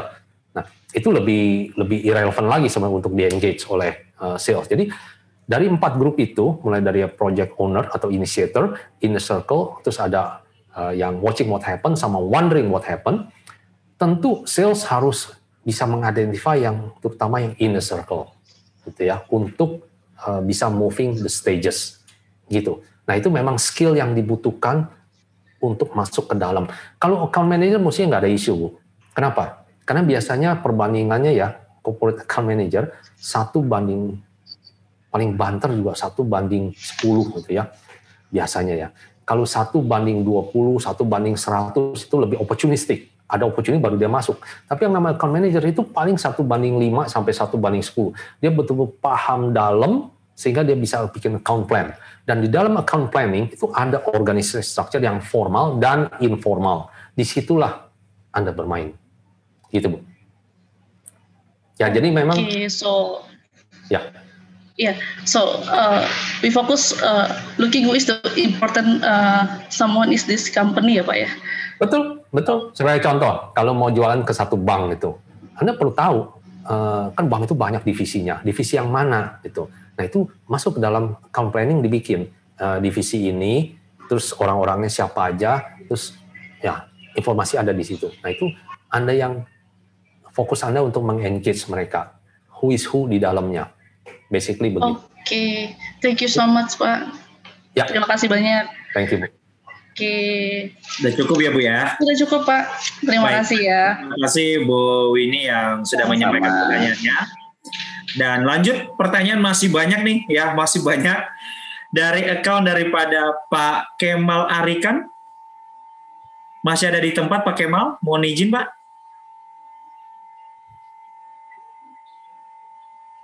Baik, saya bacakan saja singkatnya adalah bagaimana sebenarnya seorang sales leader atau personal yang baik di era normal baru mengelola tim penjualan tanpa micromanaging sementara sebenarnya kita tidak bisa lihat kinerja mereka di lapangan. Jadi sebenarnya lebih mengarah kepada bagaimana sales leader yang baik sih Pak di masa era new normal yang baru ini. Silakan Pak. Oke, okay. Uh, ini sebenarnya topik sales uh, sesi yang berikutnya. Ya, kedua, kedua, ya, Pak. Uh, saya mungkin kasihin aja. Uh, memang salah satu uh, se sebelum sebelum ini saya ngomong se before uh, pandemic ya, itu di dalam sales management itu memang uh, salah satu tujuannya adalah bisa memanage sales tanpa harus uh, istilahnya uh, heavy supervision gitu, harus ketemu terus kayak dipakai CCTV enggak. Tapi memang akan kelihatan. Sebagai contoh ya, itu kan udah ada sales process dan metodologi di dalam ada key steps, ada daily sales activity plan. Nah, tinggal dilihat dijalankan enggak.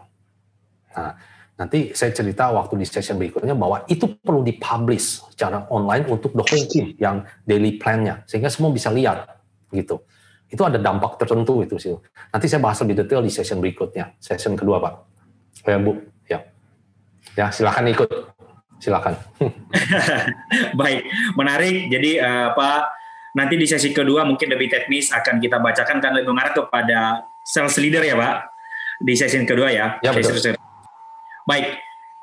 Pertanyaan selanjutnya ini banyak pertanyaannya. Mudah-mudahan uh, waktu yang tinggal beberapa menit lagi, mudah-mudahan bisa terjawab semuanya. Ada dari Pak Ibnu Iskandar, Iskandari, masih ada di tempat? Pak Ibnu Iskandari masih ada di tempat, Pak? Kalau tidak ada, saya akan bacakan. Pertanyaan seperti ini, Pak. Selamat siang, Pak. Izin bertanya, apa pendapat Bapak untuk new customer yang sudah gunakan brand atau jasa tertentu dari vendor lain. Seberapa besar prospek peluang e-word sales dan timeline sales untuk mendapatkan order di new customer tersebut? Terima kasih atas pencerahannya, Pak. Itu, Pak. Silakan, Pak. Oke, okay, baik. Uh, ini sebutnya opportunity strategy, ya. Jadi uh, strategi itu ada beberapa, ada yang namanya uh, uh, frontal, uh, flanking, terus ada isolate, ada invest, ada basically ada gambarannya empat gitu ya. Uh, saya nggak bisa bahas tahu detail sini, tapi itu ada strategi, itu juga ada di video, tinggal lihat yang judulnya opportunity planning.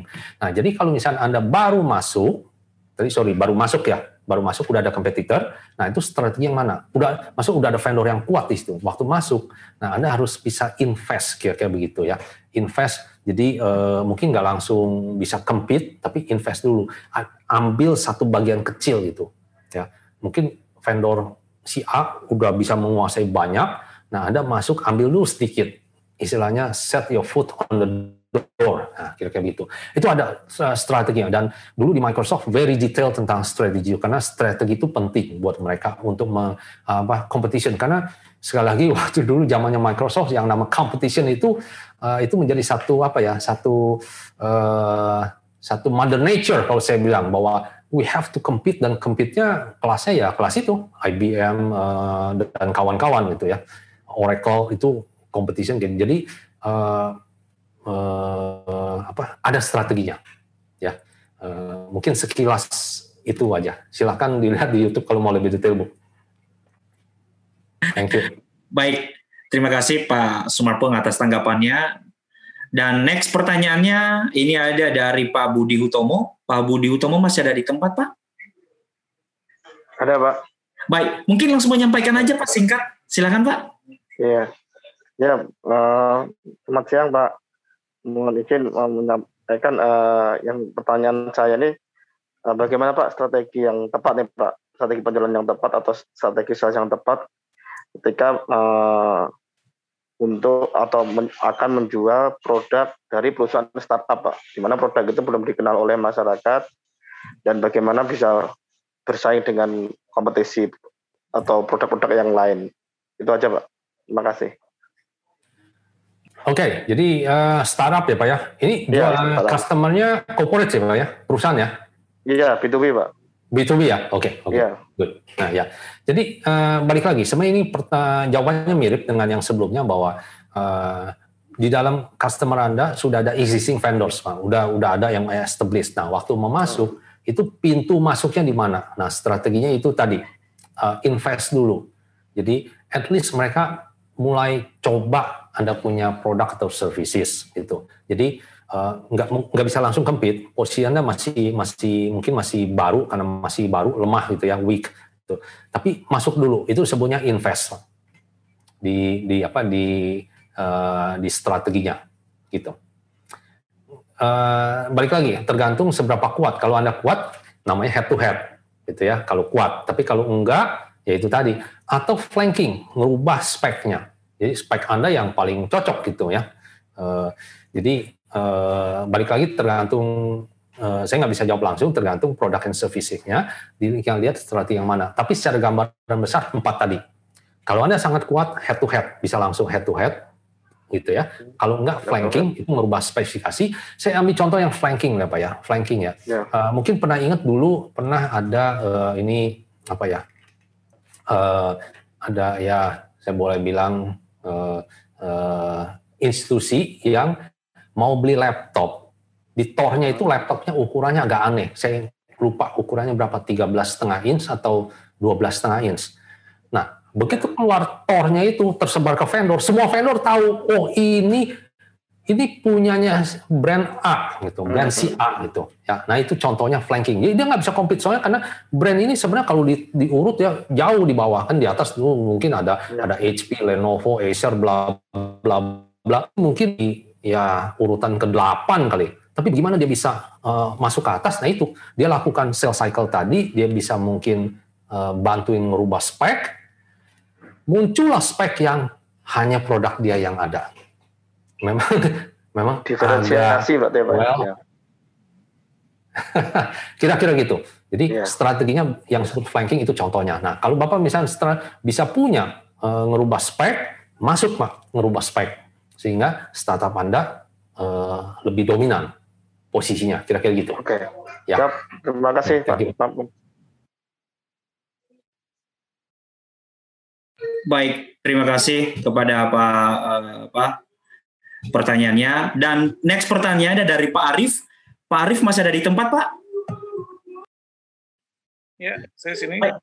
Silakan Pak, langsung menyampaikan pertanyaannya Pak. Ya, uh, mungkin simpel aja, kan kita tadi ngebahasnya banyak dari sisi uh, seorang manajer ya.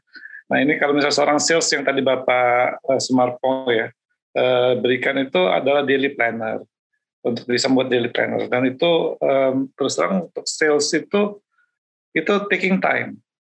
Jadi dengan 70-30 yang daily activities planning yang Bapak kasih tadi, itu eh, kadang-kadang suka mengambil waktunya kita, sehingga kita tidak sempat lagi untuk membuat itu.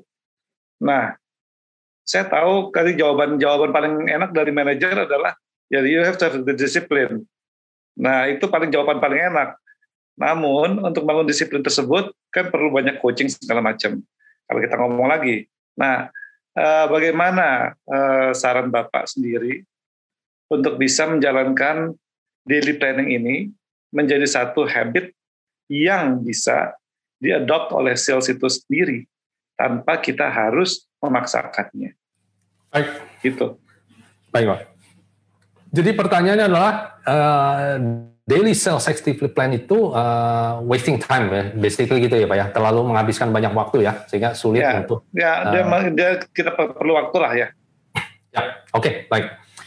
Uh, unfortunately, kalau boleh saya bilang, uh, kebanyakan itu excuses Pak, ya, karena uh, melakukan daily planning itu sebenarnya very simple, karena kalau misalnya customer visit sehari itu paling cuman uh, paling banter dua atau tiga Pak Lima, Pak. Bagus. Oh, lima, Pak. Lima. Wow. Sehari bisa lima visit ya, Pak ya? Soalnya Jakarta kan macet nih Pak, berangkat terus nanti meeting terus balik lagi kantor itu udah setengah dianggap setengah hari nanti sorenya ketemu siapa. Nah, Oke. Okay. Nah, uh, ya kalau bisa Halo. lima, ya Pak. Kalau bisa lima luar biasa. Halo, suara saya masih jelas? Saya masih jelas ya. Oke, saya lanjut.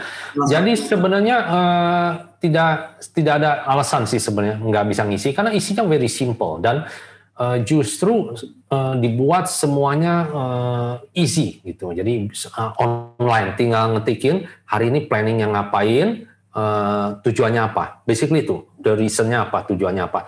Nanti setelah selesai baru tulis resultnya apa. As simple as that. Kalau saya bilang makan waktu nggak lama banget untuk ngetik itu.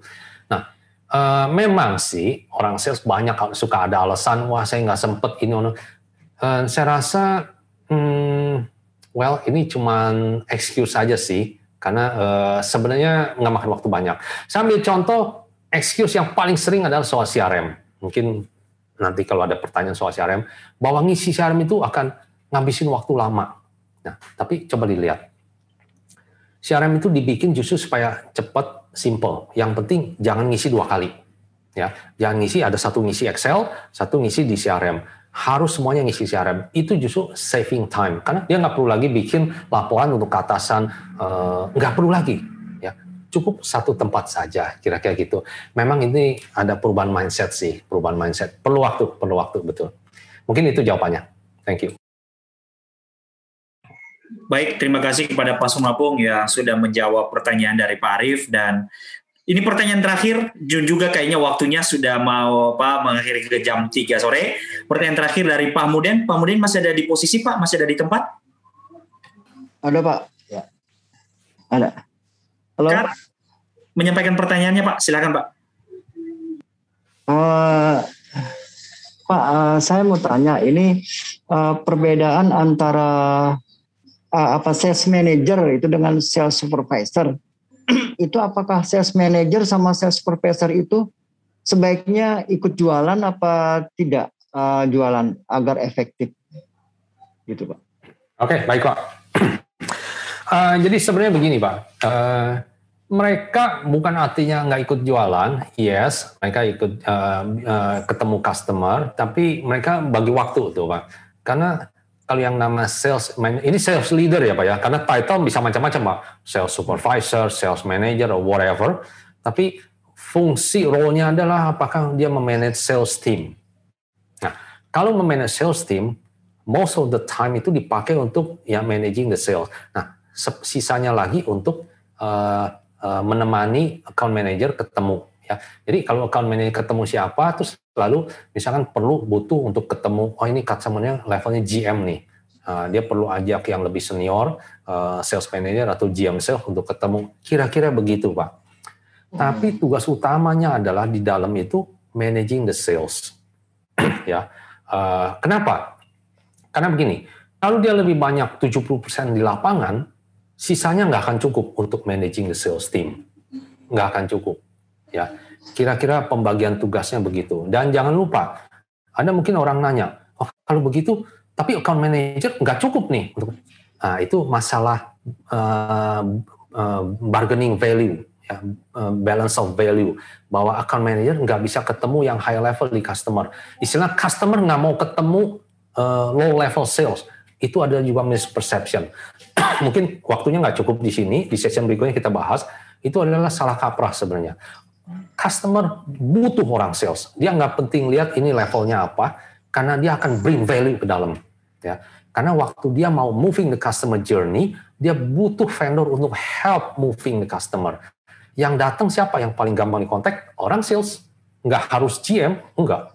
Ya, jadi kuncinya adalah do you bring value to the customer? If yes, nggak usah khawatir, Anda bisa ketemu all the way to the top. Kira-kira begitu yang memang hmm. kadang-kadang memang perlu sih bawa uh, apa GM atau VP sales untuk ketemu yang the top kadang-kadang tapi most most apa uh, most of the task kerjaan dilakukan oleh AM cukup kira-kira gitu pak. Hmm. Tapi jadi manajer nggak perlu jualan ya pak, lebih efektif gitu? Uh, bukan artinya gini ya pak ya seperti saya apa bilang boleh? Uh, apa boleh? bukan jualan tapi menemui lebih banyak menemui account manager. Kalau dia langsung jualan, nanti rancu Pak, tugas tanggung jawabnya. Rancu. Kalau dia ikut oh. jualan, dia punya target yeah. matrix dong berarti. Nah ini masalah matrix kita belum bahas sih, kita bahas yeah. nanti. Matrix yeah. penting. Apa matrixnya? Jangan-jangan nanti di jualan, tapi di matrixnya gimana? Apa yang di review nanti waktu performance review? Nah itu sih Pak sebenarnya. Oh. Ya, ini bukan masalah title, masalah role gitu oh. sih. Lalu Pak satu lagi Pak, kalau salesman kita kita pakaiin GPS itu kira-kira gimana Pak? Bagus nggak Pak? Sorry Pak, GPS? Iya maksudnya untuk oh, ngontrol dia. ada di mana? Ah, okay. Bagus nggak itu kira-kira? Ah, ini menarik Pak. Uh, saya paham mungkin orang sales uh, di treat seperti kayak yang buat canvassing ya Pak ya. Dia ke mana, ke toko apa untuk yeah. sehingga pakai GPS. Uh, kalau untuk corporate nggak pernah dengar saya Pak pakai GPS Pak. Karena untuk corporate B2B lebih dilihat di dalam itu tadi. Bagaimana dia menjalankan key steps di dalam sales process dan metodologi. Sedangkan dia berada di mana pun, lagi pula percuma Pak. Nanti sales leader, kalau punya informasi koordinat di mana aja pada jam berapa, untuk apa dalam manage dia. Soalnya waktu manage dia yang di manage adalah biasanya uh, dia punya activities sama dia punya pipeline. Ya, basically hmm. itu tadi sales engine di manage sama dia. Dia udah sampai di mana nih step-step key step. Oh ada key step yang belum jalanin. Langsung ditanya, do you need help? Nah biasa gitu manajer pak. Perlu bantuan apa nih? Ini key step ada yang mentok. Karena mentok nggak nggak moving nih customer. Perlu help apa? Nah di situ peranan seorang leader itu sih pak. Oh. Helping, empowering uh, di account manager. Tapi kalau koordinat GPS, saya nggak tahu gunanya buat apa. Dalam ya, hal ini ya. Soalnya kecuali kan passing Oh ya, kalau canvassing mungkin ya. Soalnya sales saya pernah juga dulu nangin sales. Hmm. Uh, dari kantor langsung pulang tidur di rumah. uh, Pak, nggak masalah Pak. Laporan Karena fiktif. Account manager itu flexible hours betul Pak. Tapi yeah, dilihat kalau dia sudah menjalankan key step, dia nggak akan justru nggak akan punya cukup waktu Pak untuk nyantai. Trust me, nggak akan cukup waktu. Nah itu balik lagi tergantung matriksnya. Kalau matriksnya bagus, dia nggak akan cukup waktu, dia akan pasti uh, produktif. Pasti. Nggak akan nggak akan miss tuh soal itu. Nggak akan don't worry lah kalau soal uh, nanti uh, account manager justru karena nggak ada sales management nggak kelihatan dia ngapain aja.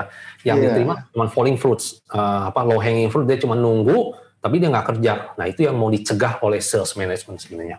Oh. Oke balik lagi fungsi sales management adalah itu mencegah hal-hal ya. itu pak. Gitu ya. Oke pak. Makasih. Sip. thank you pak. Ya sama-sama. Baik. Eh, pertanyaan terakhir dari Pak Muden juga mengakhiri eh, pas sesi diskusi kita Bapak Ibu semuanya. Kalau memang masih ada pertanyaan lagi nanti bisa di uh, melalui apa uh, by email nanti atau bisa mengkontak kita di orbitin.id nanti kita akan uh, menjawab pertanyaan-pertanyaan yang masih mau disampaikan.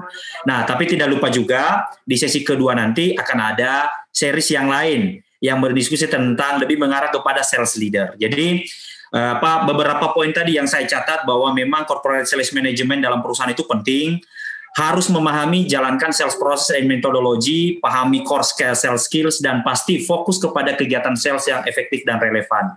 Banyak lagi tadi poin-poin kesimpulan yang cukup menarik. Jadi saya rasa uh, ini adalah webinar yang menarik dan seri satu tunggu webinar series keduanya untuk Ibu nanti Bapak Ibu semuanya tetap ikuti uh, media sosial kita supaya mengetahui informasi series webinar kedua.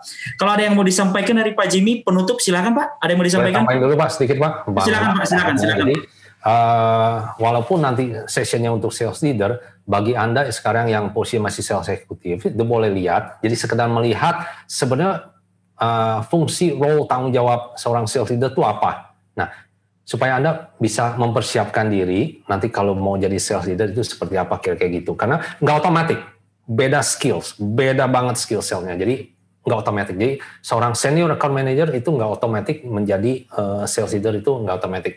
Ada skill yang perlu dipelajari. Jadi silakan nanti uh, sebagai pencerahan untuk melihat. Gitu Pak. Thank you Pak. Baik, terima kasih closing terakhir dari Pak Sumarpung dan ada yang apa singkat Pak yang disampaikan dari Pak Jimmy? Ada yang mau disampaikan Pak? Terima kasih Mas Wimo. Waduh, terima terima kasih Pak Sumarpung luar biasa. Kita tepuk tangan dulu untuk Pak Sumarpung. Luar biasa. Kayaknya tadi uh, apa uh, saya nggak berkedip ya. Luar biasa uh, materinya dan juga uh, mudah-mudahan ini uh, menjadikan kita sebagai salesman yang lebih baik gitu. Karena everybody is a salesman. Remember. Uh, whether it's in your workforce, uh, in your work atau di luar daripada pekerjaan kita. Terutama untuk yang benar-benar uh, bekerja sebagai sales gitu ya. Jadi saya tadi langsung uh, banyak ide-ide baru untuk diterapkan di dalam perusahaan. Uh, Mas Memo siap untuk uh, langsung ya ini nanti terinspirasi dia langsung itu udah tahu wah ini dapat kerjaan baru nih gue katanya. Jadi terima kasih kita tunggu sekali lagi nanti uh, insya Allah bermanfaat tadi banyak apa kita uh, hampir 100 tadi yang yang join ya uh, on and yeah. off gitu dan uh, ke depannya kita harapkan nanti uh, akan join lagi di sesi kedua yang akan kita atur dan kita akan sebarkan lagi uh, informasi mengenai uh, apa uh, untuk yang kedua ini webinar kedua. Terima kasih semua. Assalamualaikum warahmatullahi wabarakatuh. Baik, terima kasih closing dari Pak Jimmy dan karena sudah ditutup oleh Pak Sumarpung dan juga oleh Pak Jimmy, maka webinar hari ini, webinar series pertama uh, selesai kita lakukan dan kami uh, ucapkan terima kasih kepada Bapak Ibu semuanya yang masih tetap dari jumlahnya masih tetap di angka 80 orang tidak berkurang tadi udah men hampir mencapai 100 orang. Terima kasih semoga webinar hari ini bermanfaat buat kita semuanya. Dan kemudian sekali lagi buat Serikandi-Serikandi Indonesia selamat Hari Kartini nih. Jadi apa selamat uh, menginspirasi ya Kartono, eh bukan, maksudnya menginspirasi apa orang-orang Indonesia dan terutama dari hal apa pun. Dan juga beberapa jam lagi akan berbuka. Kami sampaikan nanti selamat berbuka buat Bapak Ibu semuanya. Akhir kata kami ucapkan terima kasih. Wabillahi taufiq wa hidayah. Wassalamualaikum warahmatullahi wabarakatuh. Terima kasih semuanya Bapak Ibu. Terima kasih.